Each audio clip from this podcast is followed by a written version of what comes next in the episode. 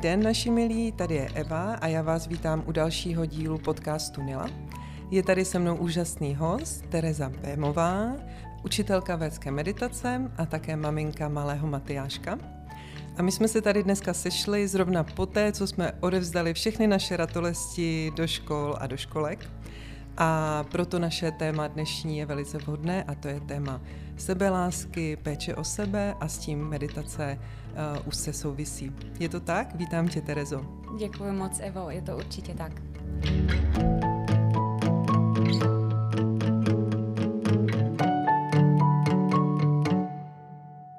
Můžu se zeptat hnedka v úvodu na tu tvoji cestu k téhle z mého pohledu trošku nezvyklé, možná zvláštní profesi?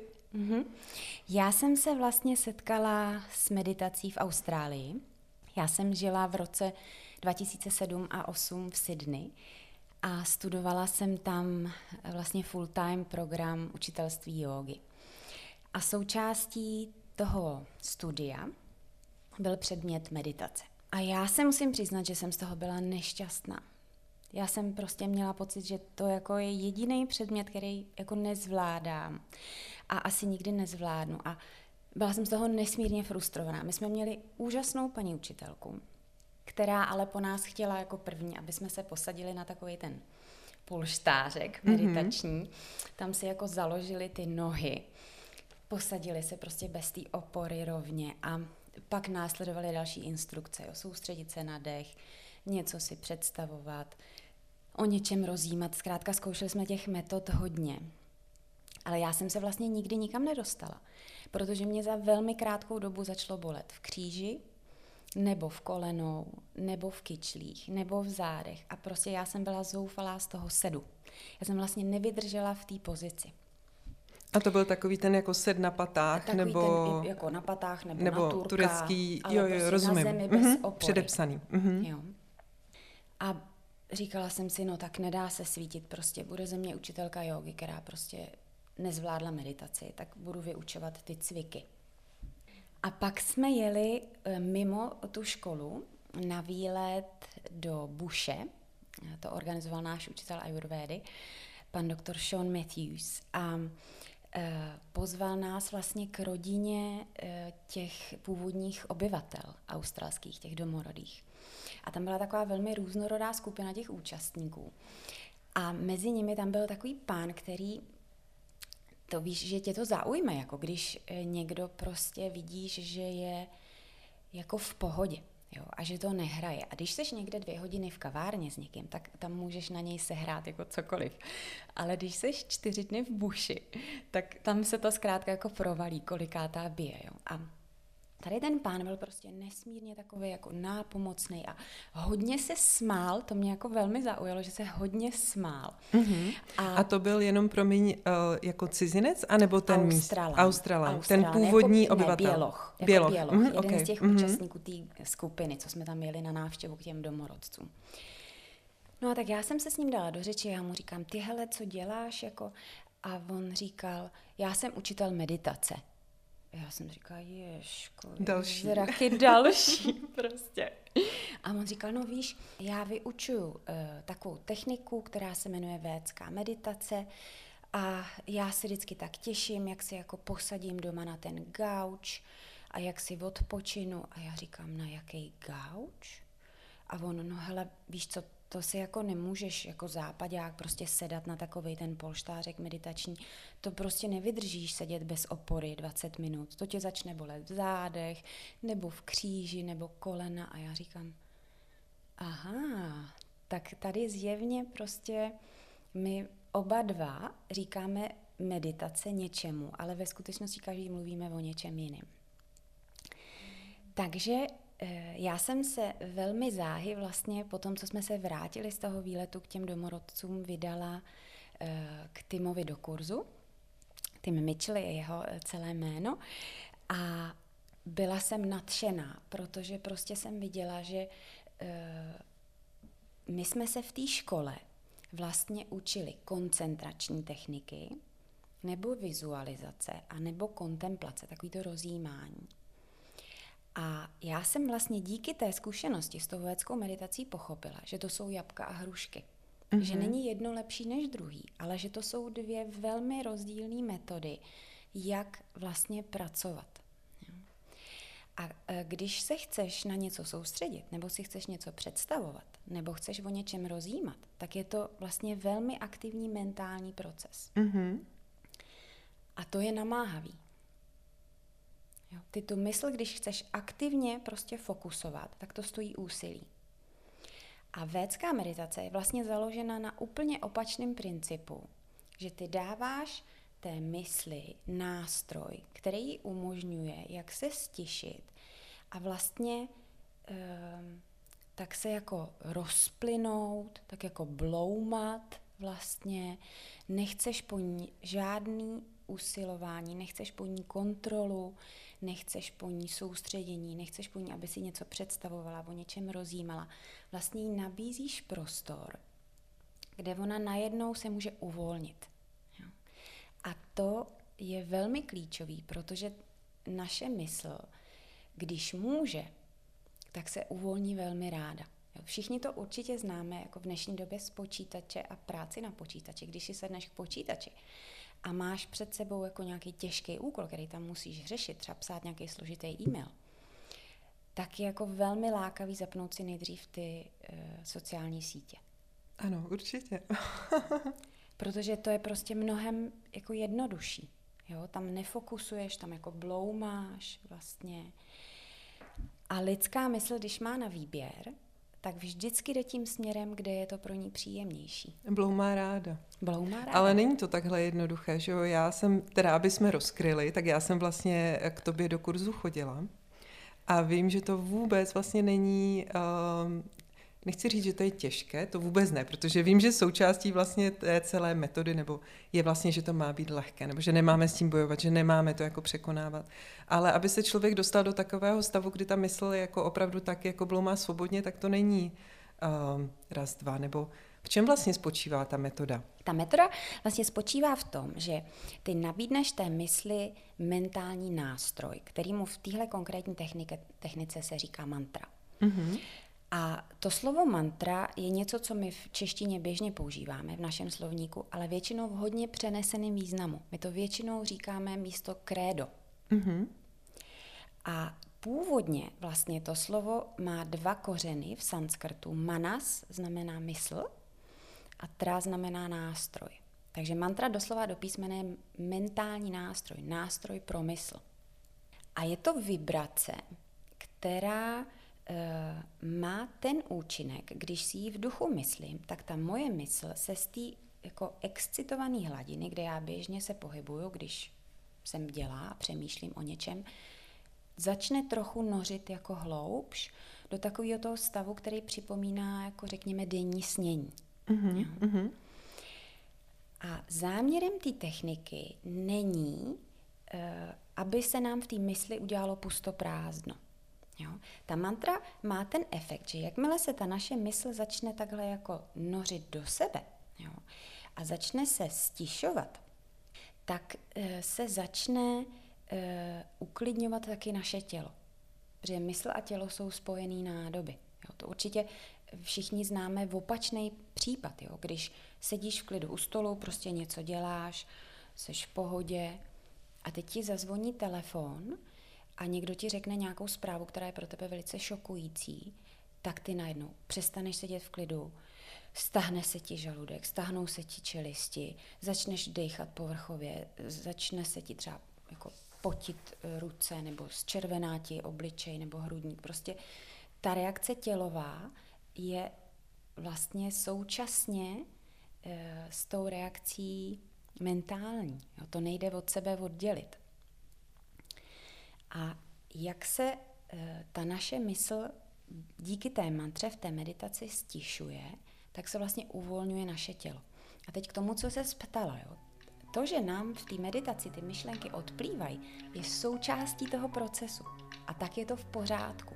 Jo? A my tam po sobě nechceme žádný konkrétní průběh a neočekáváme vlastně žádný specifický výsledek toho procesu. Tam jde o to, že my si vlastně dopřáváme ten proces. A celý ten trik spočívá v tom, že já mám ideálně, když jako můžu následovat ten recept, abych tak řekla v úvozovkách, dvakrát denně 20 minut, vlastně dopřáváš sama sobě prostor, kde se mysl stiší na jakoby trošku nižší hladinu, než je běžný. Ale to neznamená, že tam mám najednou jako vákuum v té hlavě. Jo, to je nejčastější, troufám si říct, předsudek, s kterým se vlastně já jako učitelka meditace setkávám, že lidi přicházejí s tím, že meditovat znamená, že mám v té hlavě vymeteno, že se ta mysl zastavila a že ty myšlenky zmizely. A to konkrétně u té védské meditace není pravda. A to, když se mně podaří předat, eh, tak eh, vlastně ten klient jako má navždy vystaráno. Protože vlastně najednou víš, že máš prostor, kdy ta mysl se může jako uvolnit, tělo tím pádem regenerovat. To je hodně klíčový, k tomu se určitě ještě vrátíme. A že se po tebe nic nečeká. Nemá to nějak vypadat, nemáš si něco myslet nebo něco nemyslet. A máš vlastně jako úplnou svobodu toho nechat prostě tomu tělu jako čas vlastně zažít a té mysli jako vlastně skutečně těkat a bloumat a jenom díky tomu nástroji se jako vrací zpátky k té trase, ale to neznamená, že na ní zůstává.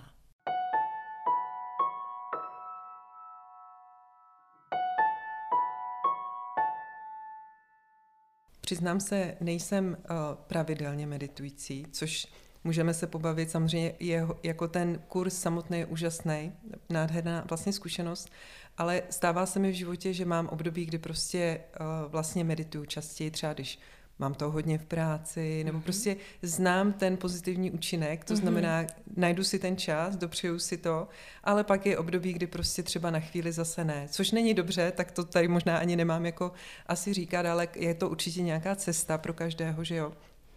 Ale co já si třeba všímám je to, že Eh, já bych jako ráda měla v té hlavě prázdno a nejtěžší je vlastně jako přestat s tím tak jako bojovat. Mm-hmm. Jako, že si třeba říkám, než bych chtěla mít jako tu meditaci jako hezkou, tak mm-hmm. nechci, aby mi tam ty věci z té práce jako mm. připlouvaly a odplouvaly a tak, ale je to prostě součást toho a co si myslím, že je na tom krásný, uh, je to, pokud to teda má taky být tím cílem, že si člověk opravdu odpočine a načerpá, že to je vlastně taková věc, která i v rámci nějakého náročného dne ho dokáže vlastně hodit jako zpátky do plusu nebo do nějaké jako aktivity vlastně a to je asi na tom uh, to skvělé a, a myslím si, že právě třeba v tom mateřství nebo s těma malýma dětma to člověku může hodně pomoct, když prostě, uh, já nevím, jako je už unavený z hmm. kojení a z péče o to dítě nebo běhání, právě jako aby se nedostal do nějakého stresu.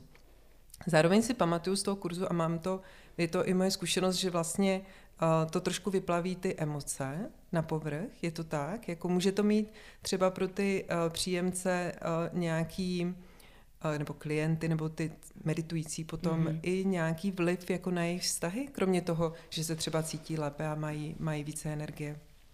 Já si myslím, že ten jako pozitivní dopad je Eh, ohromně jako širokospektrální. Já se ještě ráda vrátím jenom k tomu, co jsi říkala o té své zkušenosti, že to není dobře, že nemedituješ jako každý den pravidelně. To Evi vůbec neznamená, že když projdeme kurzem meditace, takže je nad náma nějaký byč, který říká prostě musíš meditovat dvakrát denně a pokud to nezvládneš, tak si selhala. Jo. To takhle vůbec není. Ta praxe je něco, co ti vydrží na dosmrti. A když z toho najednou na pět let vypadneš, tak se vůbec nic neděje.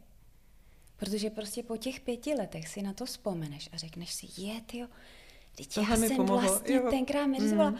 a mě to tenkrát pomáhlo. A jediný, co bude potřeba, je, že si sedneš, zavřeš oči, nebudeš muset nikam znovu chodit, na nic se znovu ptát a na tu mantru si vzpomeneš a ten proces pofrčí zase dál. Možná jsme zapomněli říct, jestli teda můžeme, ta mantra vlastně není pro každého stejná, je ne. to tak? Je mhm. jich celá řada a ta mantra se vlastně vybírá individuálně na základě takového jako velmi jednoduchého dotazníku, který každý vyplní, když přijde na tu první lekci. Ten kurz má čtyři lekce a v té první lekci eh, mám čas pro každýho jako individuálně na chvilku a tu mantru vybíráme na míru. Takže není to jako intuitivní proces, je to na základě nějakých jako psychologicko-fyziologických faktorů, ale neptáme se na nic jako osobního, intimního, jsou to nějaký body, jako co zhruba máme v tom životě za sebou, kde se zhruba nacházíme. A ta startovní, um, ten startovní bod je vlastně to, co určí ten výběr té mantry. Jo. Takže uh, i když za deset let logicky bychom do toho papíru napsali nějaký jiný věci, protože prostě se pořád ty věci mění a vyvíjíme se, tak to nevadí. Prostě tam, kde začínáme, tak mm-hmm. tam tuď jako jdeme. Meditovat můžou i děti? Meditovat můžou způsobem, i děti. akorát mají trošku jiný... Akorát mají trošku jinou tu techniku. Podmínkou je, aby minimálně jeden z těch rodičů uh, prošel tím kurzem pro dospělé, aby věděl, jak to funguje. A děti se učí uh, už od pěti let a tu techniku provozují s očima otevřenýma. Ty úplně malí děti nepotřebují se tak jako hodně uvnitřňovat ale může jim to velmi pomoct, když mají nějaký úzkosti, něčeho se bojejí, mají z něčeho nějaký strachy, nebo když mají nějaký zdravotní potíže, tak eh, ten efekt je stejný jako na dospělí. Prostě je to nějaký způsob, jak se jako dostat sama k sobě a eh, jak se opírat o tu jistotu vnitřní. Jo? Protože ta jistota vnější, to jsme teď všichni prožili, jako mm-hmm, velmi pravda. niterně, mm-hmm. ta jako není v podstatě moc. Jo, jediná jistota je, že na nás působí gravitace a že když žijeme, tak decháme a že jednoho dne to naše tělo prostě zkrátka zemře a víc jistot nemáme. Takže to není moc jo, a je přirozený, že nás to může hodně znejišťovat. A um, takže když máme nějaký nástroj, který um, nás dostává do kontaktu s tím naším vlastním vnitřním zdrojem, abych to vysvětlila, protože to jsou takový jako těžko uchopitelný metafyzický pojmy, že jo? Když meditujeme, tak ta naše mysl se sklidní, vlastně stiší, ale neznamená to, že se úplně vypne. Myšlenky přicházejí, odcházejí a naše tělo se sklidní a e, my se vlastně jako velmi niterně, velmi nenápadně dostáváme do kontaktu vlastně s tím zdrojem, odkud všechny ty myšlenky vznikají. Jo, s tím čirým vědomím, transcendentálním vědomím, esencí, Bohem, říkejme tomu jakkoliv. Jo. Těch názvů je prostě nekonečně. A je to velmi těžké to popsat, protože to je stav za slovy, za myšlenkami. Jo, takže jak chceš popsat slovy něco, kde už slova nejsou? Jo? Ale je to to místo, který, když víš, že víš, tak ti to nikdo nevezme. Mm-hmm, mm-hmm. Jo? Taková ta vnitřní um, kotva, jo? taková ta nenápadná vnitřní jistota, kterou ty víš, že tam vždycky najdeš. A může ti být se zle prostě. Jo? To, že se naučíš meditovat, neznamená, že někdo po kurzu mávne kouzelným proutkem a ty budeš na dosmrti sedět na růžovém obláčku. Jo, já jsem vždycky opatrná, když slyším, eh, jakože nějaká praxe, která nás má vést sama k sobě, je zárukou jako a žili šťastně až na věky, protože prostě ten život se děje a dějou se věci, které jsou e, nečekaný, Eh, kolikrát velmi obtížný i těm, kteří meditují. Jo, to nás jako nějak jako Neuz, nevylučuje. Neudělá z nás polobohy, že jo? Přesně hmm. tak, neudělá z nás polobohy. Jo? Ale ten veliký rozdíl, a to se vracím k té tvé otázce, jak to může ovlivnit třeba naše vztahy. Jo? Já vidím v tom, že když já mám nějaký způsob, jak uh, opečuju sebe samu, tak ať chci nebo nechci, tak to země jako, jak to říct, vyzařuje, vyzařuje mm-hmm. do těch kontaktů, s kterými všichni prostě přicházíme do styku. My nikdo tady nejsme izolovaná bublina. A i kdyby si žila sama a žádný děti si neměla, tak stejně půjdeš do krámu si koupit prostě chleba a máslo. Jo? A stejně se tam potkáš paní prodavačkou a nastoupíš do tramvaje a tak dále a tak dále. To je všechno tisíc a jeden prostě mikrokontakt, ale to ve skutečnosti utváří ten náš život. Že? A když se sám člověk e, necítí dobře, tak je velice přirozený, že zkrátka tu svou frustraci, bolest a tak dále a tak dále bude ať vědomně či nevědomně přenášet na ty lidi, kteří jsou kolem. To všichni určitě známe. Mm, mm. Jo, to je Hlavně i to okolí to zrcadlí, že jo, často. Prostě to, co ty vyzařuješ, tak jako kdyby vrací potom zpátky, že jo. To, Přesně to tak. jsou takový jako už ty praktičtější potom třeba dopady toho, co, jak z toho člověk může čerpat nějak jako nepřímo. Určitě.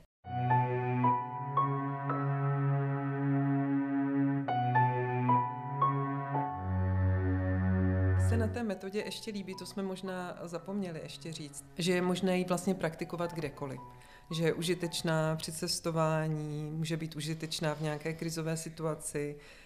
Vlastně pro ten vnější svět možná, kdo sám medituje, pozná možná meditujícího, nebo tak mě jako přijde, jo, že nedávno jsem viděla někoho, před kinem a říká jsem si, mm, ty medituješ asi, aha, aha. ale jinak to pro to okolí není jako úplně zřejmý a vlastně člověk prakticky by mohl i jako ve veřejné dopravě nebo prostě Určitě. v letadle. Uh-huh. A mně samotné to třeba pomáhá při dalekých cestách, protože to uh-huh. je mhm. taky takový efekt, uh-huh. který pro mě třeba, já jsem hodně racionální a vlastně tohle nebylo úplně někdy pochopitelný, jak se tyhle energie můžou šířit, ale je třeba pravda, že když je krize v autě mm-hmm. na daleké cestě mm-hmm. a já se pustím do své praxe, takže často třeba fakt ty děti usnou, jo? že jako ano. se ten klid tak jako z toho člověka šíří a když se mm-hmm. medituje ve skupině, tak je to potom asi ještě znásobené, že to je nějak i jako zdokumentované. No, no, no, to jsou různý na to pokusy jako a dalo by se to určitě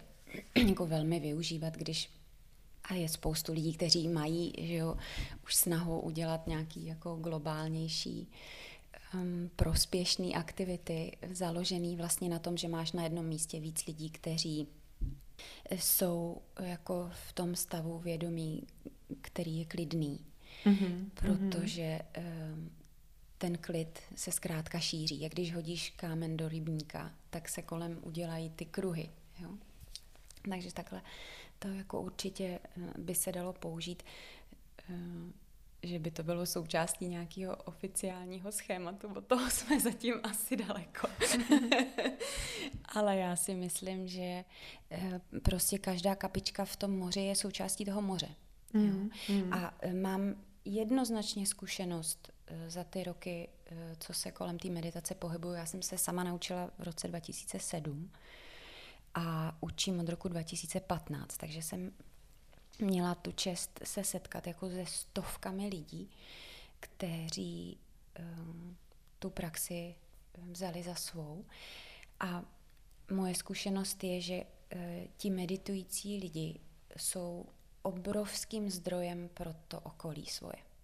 Jo, právě ať do těch jako nejbližších vztahů, nebo pak přeneseně jako mnohem do větší šířky do té komunity a do celé té společnosti. Jo?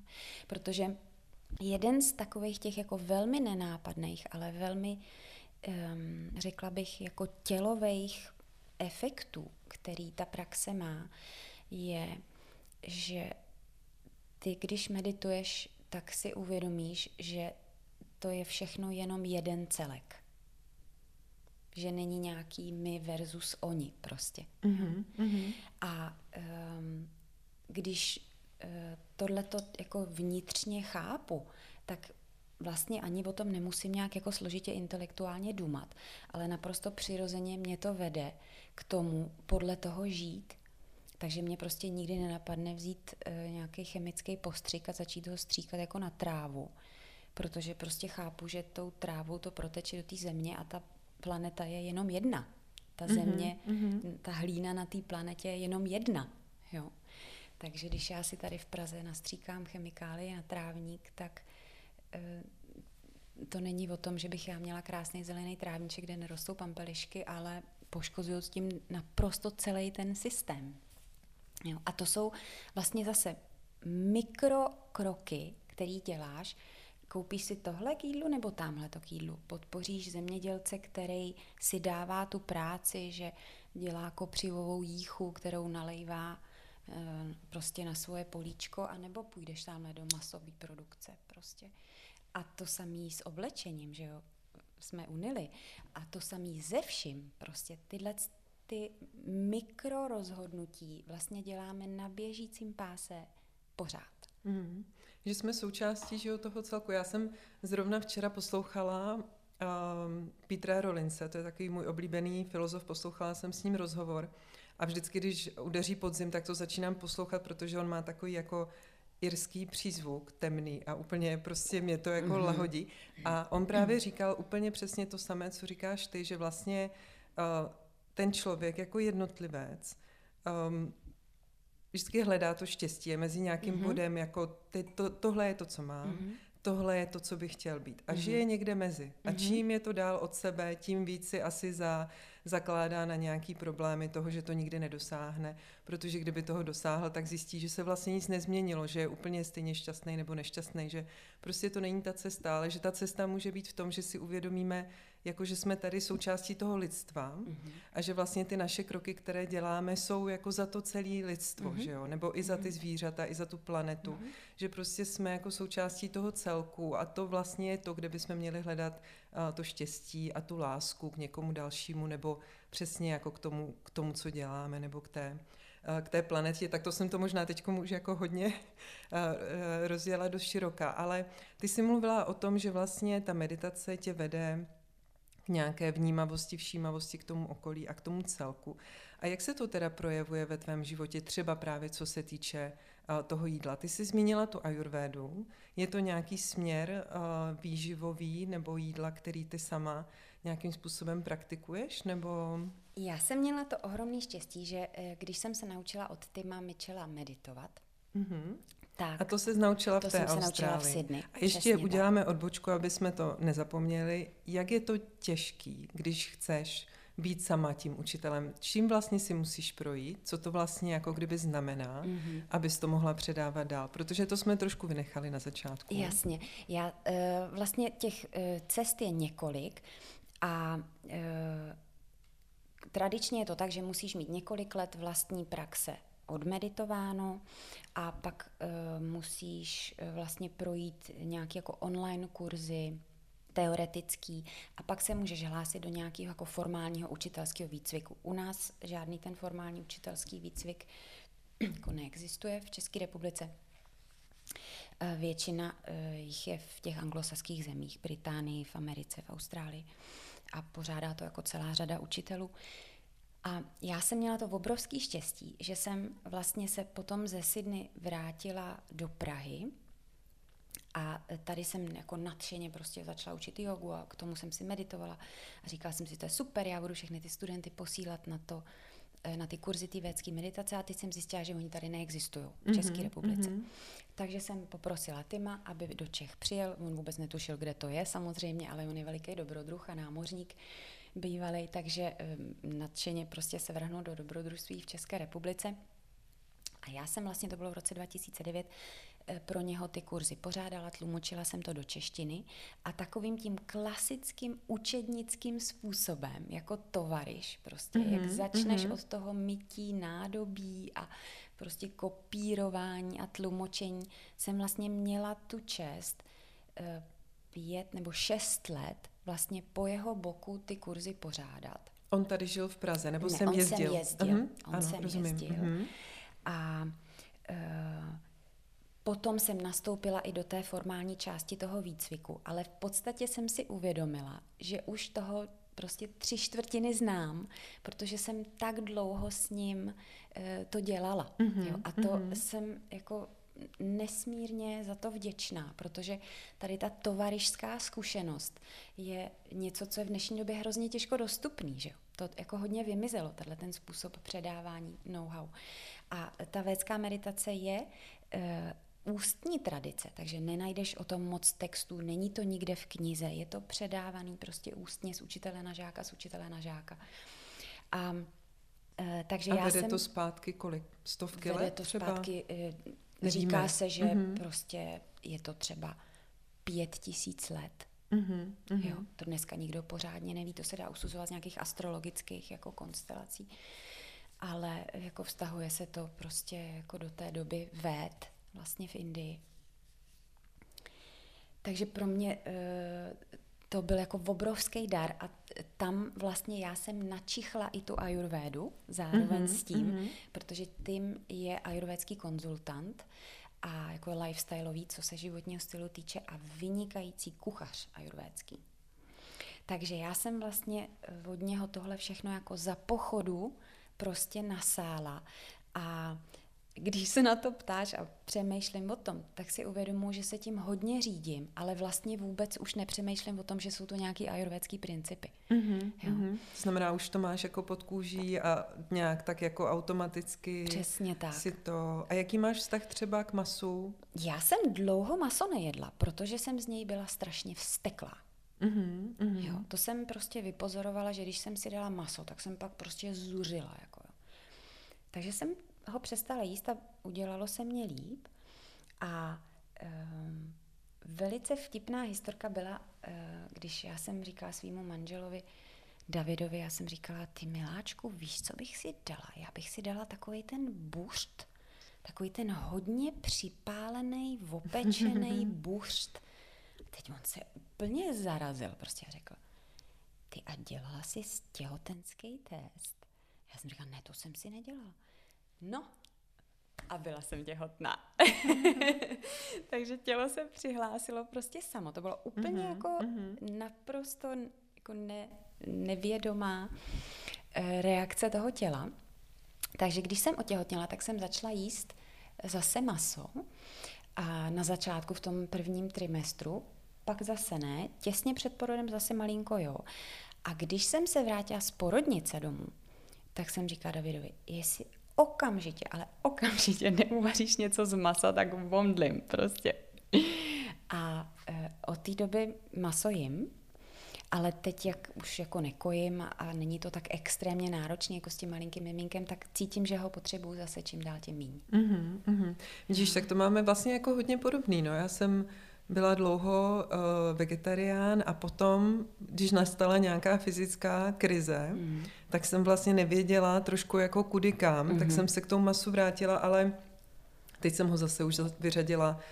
Asi pro mě je to hodně o té etice, víš, jakože já, mm-hmm. i když mhm. to maso si třeba dám, tak jako uh, prostě to vnímám, že, že jako to jako kdyby potřebuju v ten moment, ale neumím ano. to asi správně třeba nahradit, víš? Jasně. A jako uh, to odkládám to, no. když se cítím v té uh, v té síle, protože prostě nějak ty zvířata mám jako vysoko. Je pro mě třeba těžší, to nevím, jak, jak vnímáš ty, nebo jak je to třeba v ajurvédě u mléčných výrobků, u mléka, u síru, které třeba myslím, že nejsem sama, lidi mají rádi, že jo, ale zároveň třeba ta etika právě kolem toho mléka, kolem těch sírů je složitá. Je i někdy složité najít nějaké třeba alternativnější dodavatele, ať už u toho síra nebo masa, ale to je spíš, že jo, to je něco, co asi je v téhleté době, v téhleté době možné. No, jak ty si vybíráš vlastně to, co doma, to, co doma jíte? Um, no, uh, můj trošku pěstujete? Ty? Je eh, vynikající kuchař. Mm-hmm. Takže já vlastně od té doby, co jsem s ním, tak jsem přestala vařit. Já jsem dřív relativně obstojně vařila, ale on je prostě, když jako máš vedle sebe Ferrari, tak proč bys jako zkoušela startovat Trabanta, jo? To prostě nedává úplně smysl. Takže e, vaří vlastně téměř výhradně můj manžel. A e, my jednoznačně jako přemýšlíme nad tím, co kupujeme domů za jídlo. Mm-hmm. Takže se jako snažíme eh, podporovat prostě ty lokální výrobce. A eh, není nám to jedno, zkrátka. Jo. Ale na druhou stranu, jak se ptala na ty výživové směry, eh, já určitě nejsem zastáncem nějakého jako rigidního směru. A to v ničem. Jako ani v jídle, ani, ani v ničem. Já si myslím, že jakmile si jako člověk začne dávat nějaký striktní omezení, tak eh, to nevede eh, jako k tomu rozšíření eh, nějakého toho pocitu, ehm, jak bych tak řekla, jako teďka nemůžu najít slovo, ale prostě čím víc omezení si dáš, mm-hmm. tím jako i ve snaze něco dobrýho prostě udělat, tak tím víc tě to limituje. Mm-hmm. Jo. Mm-hmm. A uh, já mám na té české výživové scéně nesmírně ráda Margit Slimákovou. Mm-hmm. Protože tam mně připadá, že je uh, jako úžasně neortodoxní prostě. A uh, je, jak říká um, Michael Polar, myslím, že napsal tu knížku uh, o jídle, takovou velmi vtipnou, uh, jeste jídlo. To je prostě vše říkající výrok. Jo? Mm, a mm. dostalo-li se to k vám okénkem auta, nejedná se o jídlo. Mm, jo? Mm. Takže prostě chleba s máslem, když je prostě z mouky, z kvasu a ze soli a z vody, tak je prostě fantastický pokrm. Jo? Takže určitě o tom přemýšlíme, ale na druhou stranu e, jako mojí náplní životní není schánět prostě super, trooper, bio, eko, všechny suroviny, které máme doma k dispozici. Jasně, není potřeba, jo. že o toho radikalismu. On je někdy jako pohodlný, ale vlastně vede taky k takovým jako sporům, zby, třeba mm. zbytečným, že nebo k takovým zbytečnému jako rozdělování mm. v té hmm, společnosti. Já si myslím, no. že taková ta jako uměřenost a vlastně tolerance vůči ano. tomu, co dělá někdo jiný, by Přesně mělo být tak. takový jako to s tou meditací určitě taky, že jo, souvisí, že prostě ano. jako mám tu toleranci k tomu, já dělám tohle, ty děláš tohle, Přesně prostě. Tak. Um, ale měli, neměli bychom zapomenout říct, že David má úžasnou restauraci El Camino, určitě spousta lidí zná, co nás poslouchá. A já se k tomu jenom teda vrátím, protože mě fascinuje. Já jsem totiž poprvé od někoho slyším, že by lidé, co mají restaurace, vařili i doma. Já mám mm. pocit, že často je to takové jo, jo, jo, prostě ale dívej, to je moje práce a doma teda jako prostě to už nedávám, jo. Mm. A, ale u vás je to trošku jinak, protože on je spíš pozici majitele, je to tak? Ne, ne jako on určitě umí vařit skvěle, ale nevaří mm. jako každý. A jaké to pro vás je takovéhle to spojení. Na mě to působí jako ten film, víš, Eat, Pray, Love, že máte jo, jo, tam jo. jako tu meditaci, i to dobré jídlo. Tak um, vaříte každý den, nebo jak to, jak to vypadá? Je tam ta láska k tomu jídlu opravdu jako mm. takhle? Jako David tou restaurací žije. Mm-hmm. Jednoznačně prostě. Jo. A je to jeho prostě obrovská vášeň. To je eh, restaurace zaměřená na španělské jídlo, tapasová. On měl vlastně dlouho restauraci Medité v Mariánských mhm, lázních, mm-hmm. kterou potom uh, prodal a uh, přestěhovali jsme se sem do Prahy, otevřel to El Camino. A je to jeho prostě životní vášeň, jako proto on je zapálený opravdu jako non plus ultra. A já jsem se ho i na to ptala, jako mě to nevadí vařit, nebudu naprosto schopná jako takový dokonalosti, jako umíš ty, ale jako nějakou tady rejži prostě ze zeleninou určitě vyplodím, jo. A on, ne, ne, ne, ne, ne, mě to strašně baví prostě, takže um, on opravdu to jako nedělá, si myslím, protože by musel, protože ví, že vaří líp než já, ale protože ho to moc baví. Takže vaříme v podstatě uh, jako každý den mm-hmm. a uh, máme velikánský stůl, prostě uh, dubovej, což je střed jako naší rodiny a hodně k nám i lidi chodí jako na jídlo a u toho stolu se scházíme a já to považuji za takový jako jádro prostě té rodiny. A David je velice společenský člověk, takže on má rád prostě jako navařit veliký pánve pro deset lidí, tomu prostě nedělá vůbec žádný problém. A zároveň, jak říkáš, eat, pray, love, um, já si myslím, že i pro něho je to obohacující, to seznámení s tím světem, který já jsem do toho vztahu vnesla, protože ta gastronomie je šílená řehole. Mm-hmm. To je mm-hmm. hrozně tvrdá práce, která je taková jako bezlimitní v tom smyslu, že ta restaurace je otevřená dlouho do noci, takže oni pracují jako v takových jako nekřesťanských časech. A když ta restaurace otevřená není, tak je kolem toho ale šíleného jako zařizování a chystání a uh, on to všechno dělá jako papeštěji než papež. Mm-hmm. Takže... To je na tom vidět. No a to mm-hmm. je na tom vidět mm-hmm. prostě. Jo, jako ty suroviny, které oni v té restauraci používají, jsou uh, jako naprosto v top kvalitě tomu prostě věnují s tím šéf kuchařem jako v obrovskou péči a pozornost a je to velká jako srdcová záležitost. A pro nás, um, jako pro rodinu, to samozřejmě není úplně jednoduchý, protože ta restaurace diktuje ten režim. Že? Mm-hmm. On není mm-hmm. večer nikdy mm-hmm. doma vlastně. Jo, a ráno, když my e, vstáváme s Matyáškem, tak on ještě spí, protože prostě přišel domů po tom, co my už jsme tři, čtyři hodiny jako spali, nebo já teda. Jasně. Mm-hmm. Jo, takže v tomhle ohledu je to jako náročný. Ale a pomáhá mu třeba ta meditace? Přesně teda předpokládám, tak. teda, že medituje. A on taky medituje. Já jsem ho do toho mm-hmm. vůbec netlačila. Eh, vůbec jsem jako o tom vlastně nic ani neříkala, když jsme se seznámili, ale eh, jak už to bývá, když vidíš na někom, že on dělá něco, co mu je k duhu, tak tě to zajímá. Mm-hmm.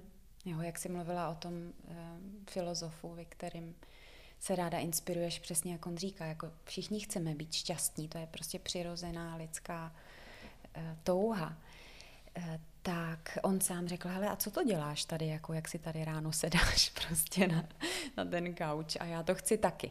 Jo? Takže uh, se to taky naučil a myslím si, že je to pro něho jako velice klíčový zdroj.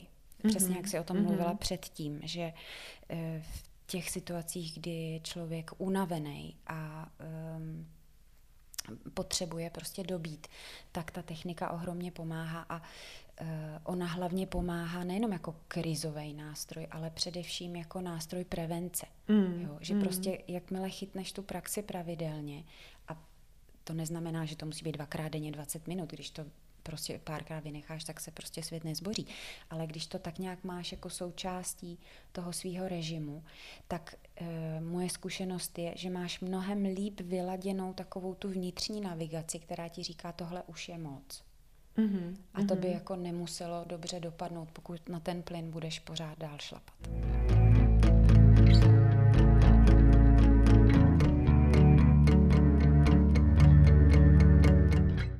Ty jsi také maminkou malého Matyáška a zeptám se, jak vlastně to mateřství, protože ty si eh, meditaci vyučovala už předtím, mm-hmm. jaký to mělo vlastně vliv třeba na tu tvoji práci a hlavně jaké to je meditovat jako maminka malého dítěte a jaké třeba typy bys dala mm-hmm. uh, ostatním maminkám? To je moc dobrá uh, otázka, děkuji za ní, protože uh, já si myslím, že vlastně kolem té meditace máme většinou jako představu, že na to potřebujeme, jako pomalu nějakou speciální místnost a jako absolutní ticho, budu, zapálenou vonou tyčinku, jo.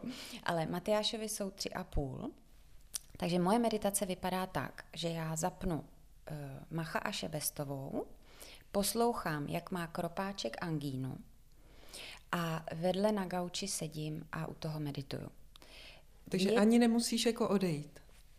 Sice to není mm-hmm. úplně jako super nejbezvadnější prostředí, mnohem radši bych byla, když bych mohla mít úplně jako ticho. Mm-hmm. Ale někdy se prostě stane, že on řekne, ne maminko, já nechci prostě být tady sám, jako seď tady vedle mě. Tak prostě se mě do mantry prolíná, jak tam ten mach s tou šebestovou, tím rejžákem, jo, ty bacily likvidujou. A to je prostě naprosto ale naprosto jako adekvátní způsob, jak strávit tu praxi. Protože prostě myšlenky jsou součástí meditace a jestli to jsou myšlenky na téma eh, bacil a rejžák a mach, anebo na téma, co mám v inboxu, komu musím napsat, jaký musím vyřešit faktury, což bude napadat nějakého jako pracujícího člověka, nebo myšlenky na to, musím se postarat o babičku, Prostě myšlenky jsou součástí toho meditačního procesu a není k té praxi potřeba úplný ticho.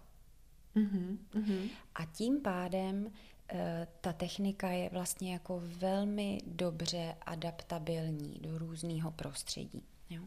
Já jsem začala meditovat jako dávno, jako bezdětná, že jo. Takže e, mně to přišlo jako velmi snadný si prostě najít dvakrát denně 20 minut, i když jsem měla jako tři různé práce ale prostě můžeš sedět v tramvaji po cestě do práce, můžeš si mezi dvěma meetingy sednout na příkopech do kostela, tam nikomu není divný, že tam 20 minut sedíš, můžeš se posadit v autě na parkovišti, to už vůbec není nikomu divný, že tam sedíš a odpočíváš, můžeš být v parku. A uh, to je vlastně jednoduchý. Když se narodil to miminko, tak já jsem byla jako hodně zaskočena protože já nejsem mladá matka, takže já jsem byla zvyklá jako na svůj režim prostě a na svůj komfort veliký. A teď jsem byla opravdu vyjevená, jakože najednou vůbec nejsem pánem toho svého režimu a že se vlastně permanentně přizpůsobuju tomu dítěti. S tím úplně malým miminkem je to jednoduchý, pokud žena kojí, protože se dá moc dobře meditovat u kojení a to děťátko u toho vždycky usne. Protože jak ty jako meditující matka e, jdeš do toho klidnějšího stavu, mm-hmm. tak se to přenese na to dítě.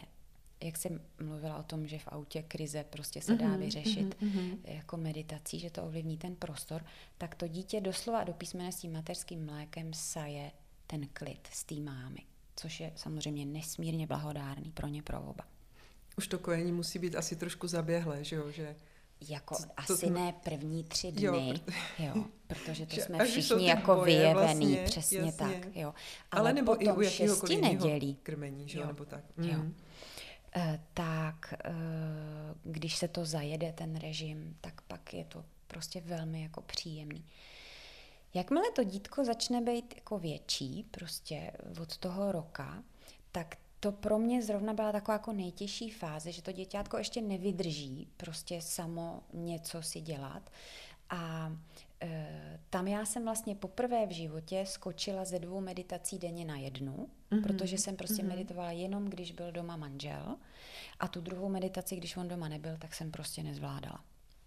A, Nemůžeš zavřít uh, ty oči vlastně, přesně nemůžeš tak, jako tu přesně pozornost. Tak. Mm. Takže to byl pro mě i docela zajímavý pokus, protože jsem viděla, že to je veliký rozdíl, meditovat dvakrát denně versus jednou denně, že ten efekt je jako e, mnohem, mnohem menší, že ty dvě meditace opravdu dají jako ten plný zdroj a ta jedna za den ti to tak jako pošolichá, mm-hmm. ale mm-hmm. E, dobrovolně bych to vlastně nikdy neudělala, ten pokus jinak, jo? až mě k tomu donutily ty okolnosti, takže i to pro mě bylo velmi jako cený z pohledu té učitelky. A v momentě, kdy e, on začal být jako větší, tak já jsem si řekla, že prostě nebudu zneužívat ty elektronické e, přístroje jako na nic jiného, ale že to bude můj meditační čas. Takže to máme s Matyášem nastavený, že prostě on má ráno 20 minut pohádku, mm-hmm. a v podvečer má 20 minut pohádku, jinak to nepoužíváme, ten tablet. Ale tohle jsou prostě jako meditační časy. A on se dívá na nějakou tu pohádku. Velmi často se stane, že mně přijde prostě říct, přepni mi to a tohle prostě se bojím, jako tady požárník sám něco dělá, jo, prostě čeho se bojím. A e, ono mě to skončilo a já jsem si to vypnul, takže e, nejedná se o žádný zenový prostředí, ale je to prostě mnohem lepší jít do té meditace i s tím vědomím, že e, jako možná budu muset vstát a něco dělat, ale zase se do toho budu moc vrátit, než ji vynechat a čekat na nějaké ideální podmínky, protože ty nenastanou. Hmm, hmm. Takže mě ta meditace e, v tomhletom ohledu nesmírně vyhovuje a Matyáš byl dítě, který se strašně často budí. Takže ty první dva roky jako byly velmi krušný, protože uh, já jsem vlastně spala uh, nejdíl třeba dvě hodiny v kuse. A byla jsem strašně unavená. A tam jsem jako poprvé pochopila, jako proč je přerušovaný spánek velmi efektivní mučící nástroj. Mm, mm. A nikdy bych si bývala byla nedovedla představit, eh, jako do jakých stavů fyzicky, psychicky i emočně eh, se člověk může dostat, když ho deprivuješ tímhle způsobem. Tam teda musím jako sklonit před védskou meditací jako hluboce hlavu, protože mě opravdu zachránila jako před kolapsem. Hmm, hmm. Já vím, že ty si říkala, že třeba, i když je člověk jako hodně unavený a nestihl tu praxi, takže třeba pořád lepší třeba z té postely těch 20 minut prostě tak. zameditovat a pak se přikrejt Přesně a usnout, tak. než jí vlastně jako kdyby, ano. Uh, jako kdyby vynechat. Že vlastně ano. ten čas strávený tímhletím typem meditace je vlastně efektivnější, než, uh, než třeba může být ten spánek, jako no. v daný daný ten, daný uh, moment. Hmm. Přesně tak. To je způsob, jak to krásně jako do toho rozvrhu uh, maminky prostě zapasovat, uh, když ty děti máme prostě pořád kolem sebe tak uh, takový jako dobrý okno, kam to dát, je právě těsně před spaní, už v posteli, ještě na tu postel se jako posadit a pak si lehnout a spát. A většinou ten spánek je hlubší mnohem a kvalitnější. Pokud nejsme v té rané fázi, kdy víme, že nás to miminko za hodinu probudí, tak to je hmm. potom jako šok, hmm. ale jakmile to dítko už je schopný prostě pár hodin v kuse spát, tak je to dobrý způsob. Já mám čím dál tím víc um, větší množství klientů, jejichž zakázka uh, v tom kurzu meditace je, že mají nějaký potíže se spánkem. Mm-hmm. Nemůžou usnout, budějí se nad ránem, mají špatný sny. To se teď neskutečně znásobilo, tahle potíž. A ta meditace na to uh, moc dobře pomáhá. A proměňují se ti ty klienti, typy klientů hmm. za ty roky, hmm. nebo i předtím, když jsi třeba měla tu praxi hmm. s tím týmem, tak jako hmm. Uh, co vlastně teď lidi vede hmm. k tomu, že vlastně za tou meditací jdou? Ano, uh, před těmi vlastně více než deseti lety chodili převážně ženy hmm. do těch kurzů. A to se velmi změnilo. Já už jsem měla i kurzy, kde bylo víc mužů než žen. Dřív to bylo tak jako 80 ku 20 a teď eh, je to třeba 60-40, takže to mm-hmm, považuji jako mm-hmm. za veliký um, zlom. A velmi často chodí uh, lidi jako i velmi jako technického zaměření, prostě programátoři, jo, advokáti, lékaři, uh, právě vyčerpaný uh, matky, to si myslím, že je jako velmi uh, tabuizovaný téma v naší společnosti, uh, do jaký míry vyčerpání se kolikrát jako matky dostanou, do jaký míry um, izolace a uh, jak jako špatně opečovaný tohle celý mm, jako v období toho, když ty naše děti jsou hodně maličký, máme, jak žijeme v těch nukleárních rodinách a nemáme podporu té komunity. Jako naprosto souhlasím s tím africkým příslovím, který říká, že uh, it takes a village to raise a child, jo, že na to, abychom vychovali dítě, potřebujeme vesnici. A jako vidím to, jak když jsme jenom dva, otec a matka, jak nás to oba strašně přetěžuje. Ten mm, otec je mm. přetížený, tím zabezpečováním a ta matka je přetížená tou setrvalou péčí o to dítě. A to dokovat člověk nezažije, si nedovede představit, že jsi 24 hodin denně, roky online v podstatě. Jo? A hmm, když chceš mm. někam mít, tak to musíš strašně složitě jako zařizovat. Že? A to, e, jako dokovat to dítě člověk nemá, tak e, to je absolutně nepředstavitelný. Ten nárok, ten setrvalý nárok. Jo? Takže matky jednoznačně tvoří uh, jako část těch účastníků. To byla vlastně i moje motivace, že jo? Když, mm-hmm. když jsem přišla práce plus děti, Přesně plus jako tak. všechno přetížení, že jo? A nikdy to nekončí a nikdy to neskončí vlastně. A, a zároveň je tam ta radost, že, jo? že strašná z toho dítěte, takže tak. jako, Přesně. jak tyhle ty dva jak pocity v sobě jako mm-hmm. kdyby vyvážit bez mm-hmm. toho, aby měl člověk pocity viny. Přesně tak. A prostě, že se má dát na první místo jako mm-hmm těžko se to někdy uvádí jako v tu praxi, že? Ano, přesně tak. No. A já si myslím, že jako jedna z cest, eh, která vede k tomuhle tomu jako smíření, je mluvit o tom, že to mateřství skutečně má i tu slunou, i tu stinnou stránku. Mm, a mm. já eh, hodně pozoruju, jak ty sociální eh, sítě nás vedou k tomu dávat jako ty krásné obrázky té happy family, ale že jsme někdy ve stavu, že by jsme jako mlátili hlavou do zdi, to tam jako se nám dávat nechce. Přičemž neznám matku, která by takovýhle stavy nikdy nezažila. Jo, to jsou někdy stavy jako veliký bezmoci, veliký beznaděje a um, myslím si, že je důležitý uh, to jako demitizovat mm-hmm. a mm-hmm. mluvit o těch věcech. Mě třeba nesmírně uh, pomohlo, že jsem byla na workshopu, který se jmenuje Vztek matek. Mm-hmm. To byl mm-hmm. velmi dobře profesionálně vedený psycholožky a krizové interventky, to vedou workshop. Ohromně mi pomohlo, že jsem si poslouchala videa od uh, pana doktora Chvály a doktorky Trapkový, který hovoří o sociální děloze, o tom, jaký jsou vlastně role matky a otce, co se po každém chce, jak je to těžký se v tom partnerství najednou vyznat, když tam máme tu třetí osobu, prostě jak ty naše role se proměňují. To jsme si nedokázali předtím vůbec představit.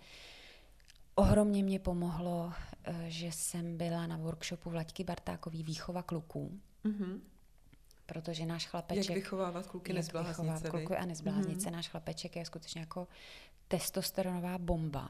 Mm-hmm. Takže um, já jsem se jako s tou energií nedovedla jako poradit prostě, jo, protože já mám ségru a um, jako mezi chlapcema jsem prostě nevyrůstala. Takže to pro mě bylo jako opravdu šokující, že to je jako hodně jiný způsob vztahování se ke světu a všechny tyhle ty věci mě moc pomohly. Ale vlastně jako těžko jsem se k tomu doba, dobírala a tak jsem musela jako pátrat a kdybychom si myslím měli um, způsob, jak se k těmhle těm informacím dostat jako snadno a dřív, že bychom si ušetřili jako veliký nervy a veliký pocity, jak si říkala, um, jako selhání, nedostatečnosti, viny. Hmm, hmm. A uh, ten stín by nemusel být tak temný. No, ne, jako to určitě souhlasím. Já si pamatuju, že Vlastně taky, že jo, taky jednak ty děti máme později, to znamená těch sil je míň, nebo často ano. je máme později. A plus, jako jsme taková ta jako sandvičová generace, že ne všichni máme až takovou velkou podporu třeba hmm. těch našich rodičů, jo, to znamená, jako těch nároků je hodně a já si pamatuju, že jsem šla vlastně, když byl medě asi rok, tak jsem šla do terapie a říkala jsem tomu svýmu terapeutovi, No ale jako můj hlavní problém je, že prostě jako všechno je dobrý, všechno dělám dobře a potom vždycky prostě začnu strašně ječet. Mm-hmm. A on říká, ale to je jako vlastně zdravý, že? Nebo ano. prostě jako, co se s tím dá dělat, když ta situace je taková mm-hmm. a ty mhm. emoce jako musí ven, mm-hmm. Tak jako to vlastně je jako normální. A taky se ta společnost na to dívá jako z vrchu, že jo? Že ano. prostě má být jako ta maminka, mm-hmm. jo, nosítko nebo tohleto a prostě vlastně taková ta jako bohyně, která mm-hmm. to mhm. úplně zvládá, že jo? Mm-hmm. A ta realita prostě fakt pro každýho je jako úplně úplně jiná a určitě by se o tom mělo víc víc mluvit, no, to hmm. souhlasím. Já si myslím, že to slovo, že maminka je bohyně, je velmi trefný, ale podívej se na indická zobrazení bohyně. Jo? Bohyně matka má mnoho tváří od té která skutečně překypuje všeobjímající láskou, až po tu, která má devět rukou, v každý drží jinou zbraň a na krku má náhrdelník z lebek. A to si myslím, že je jako velmi dobře vystižený, že všechny tyhle ty aspekty jsou součástí toho jednoho celku. Hmm. Jo? Hmm. A zase, jakmile začneme vydělovat, že tohle jo a tohle ne, a začneme to stavět jako do toho protikladu, tak si na sebe šijeme jako obrovskou pást. A dostane nás to právě přesně do těch pocitů selhání, nedostatečnosti, viny a velkého zoufalství. Mm. A to je taková obecná tendence v naší společnosti, že my jedeme jako hodně na výkon a odpočinek nemá velkou prioritu v dnešní době. Je to tak trošku jako selhání. Mm. Vlastně mm. pro mnoho lidí přiznat, že si taky potřebují odpočinout. Ale ve skutečnosti e, bez toho to nejde. Ty se nemůžeš jenom nadechovat, ty musíš taky vydechnout, jo, doslova a do písmene. Protože když se budeš jenom nadechovat, ty plíce to nepřežijou.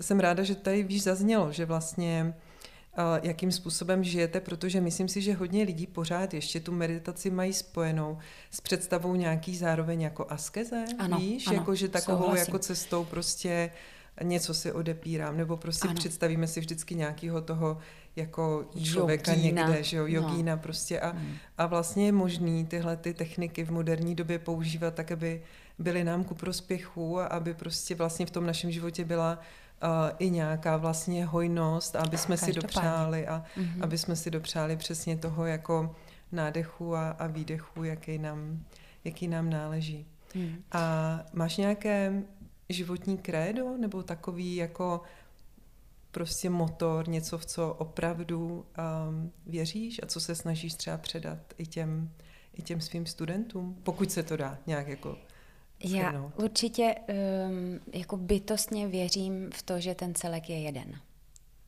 Jo, to je prostě něco, o čem jsem jako do hlouby duše přesvědčená.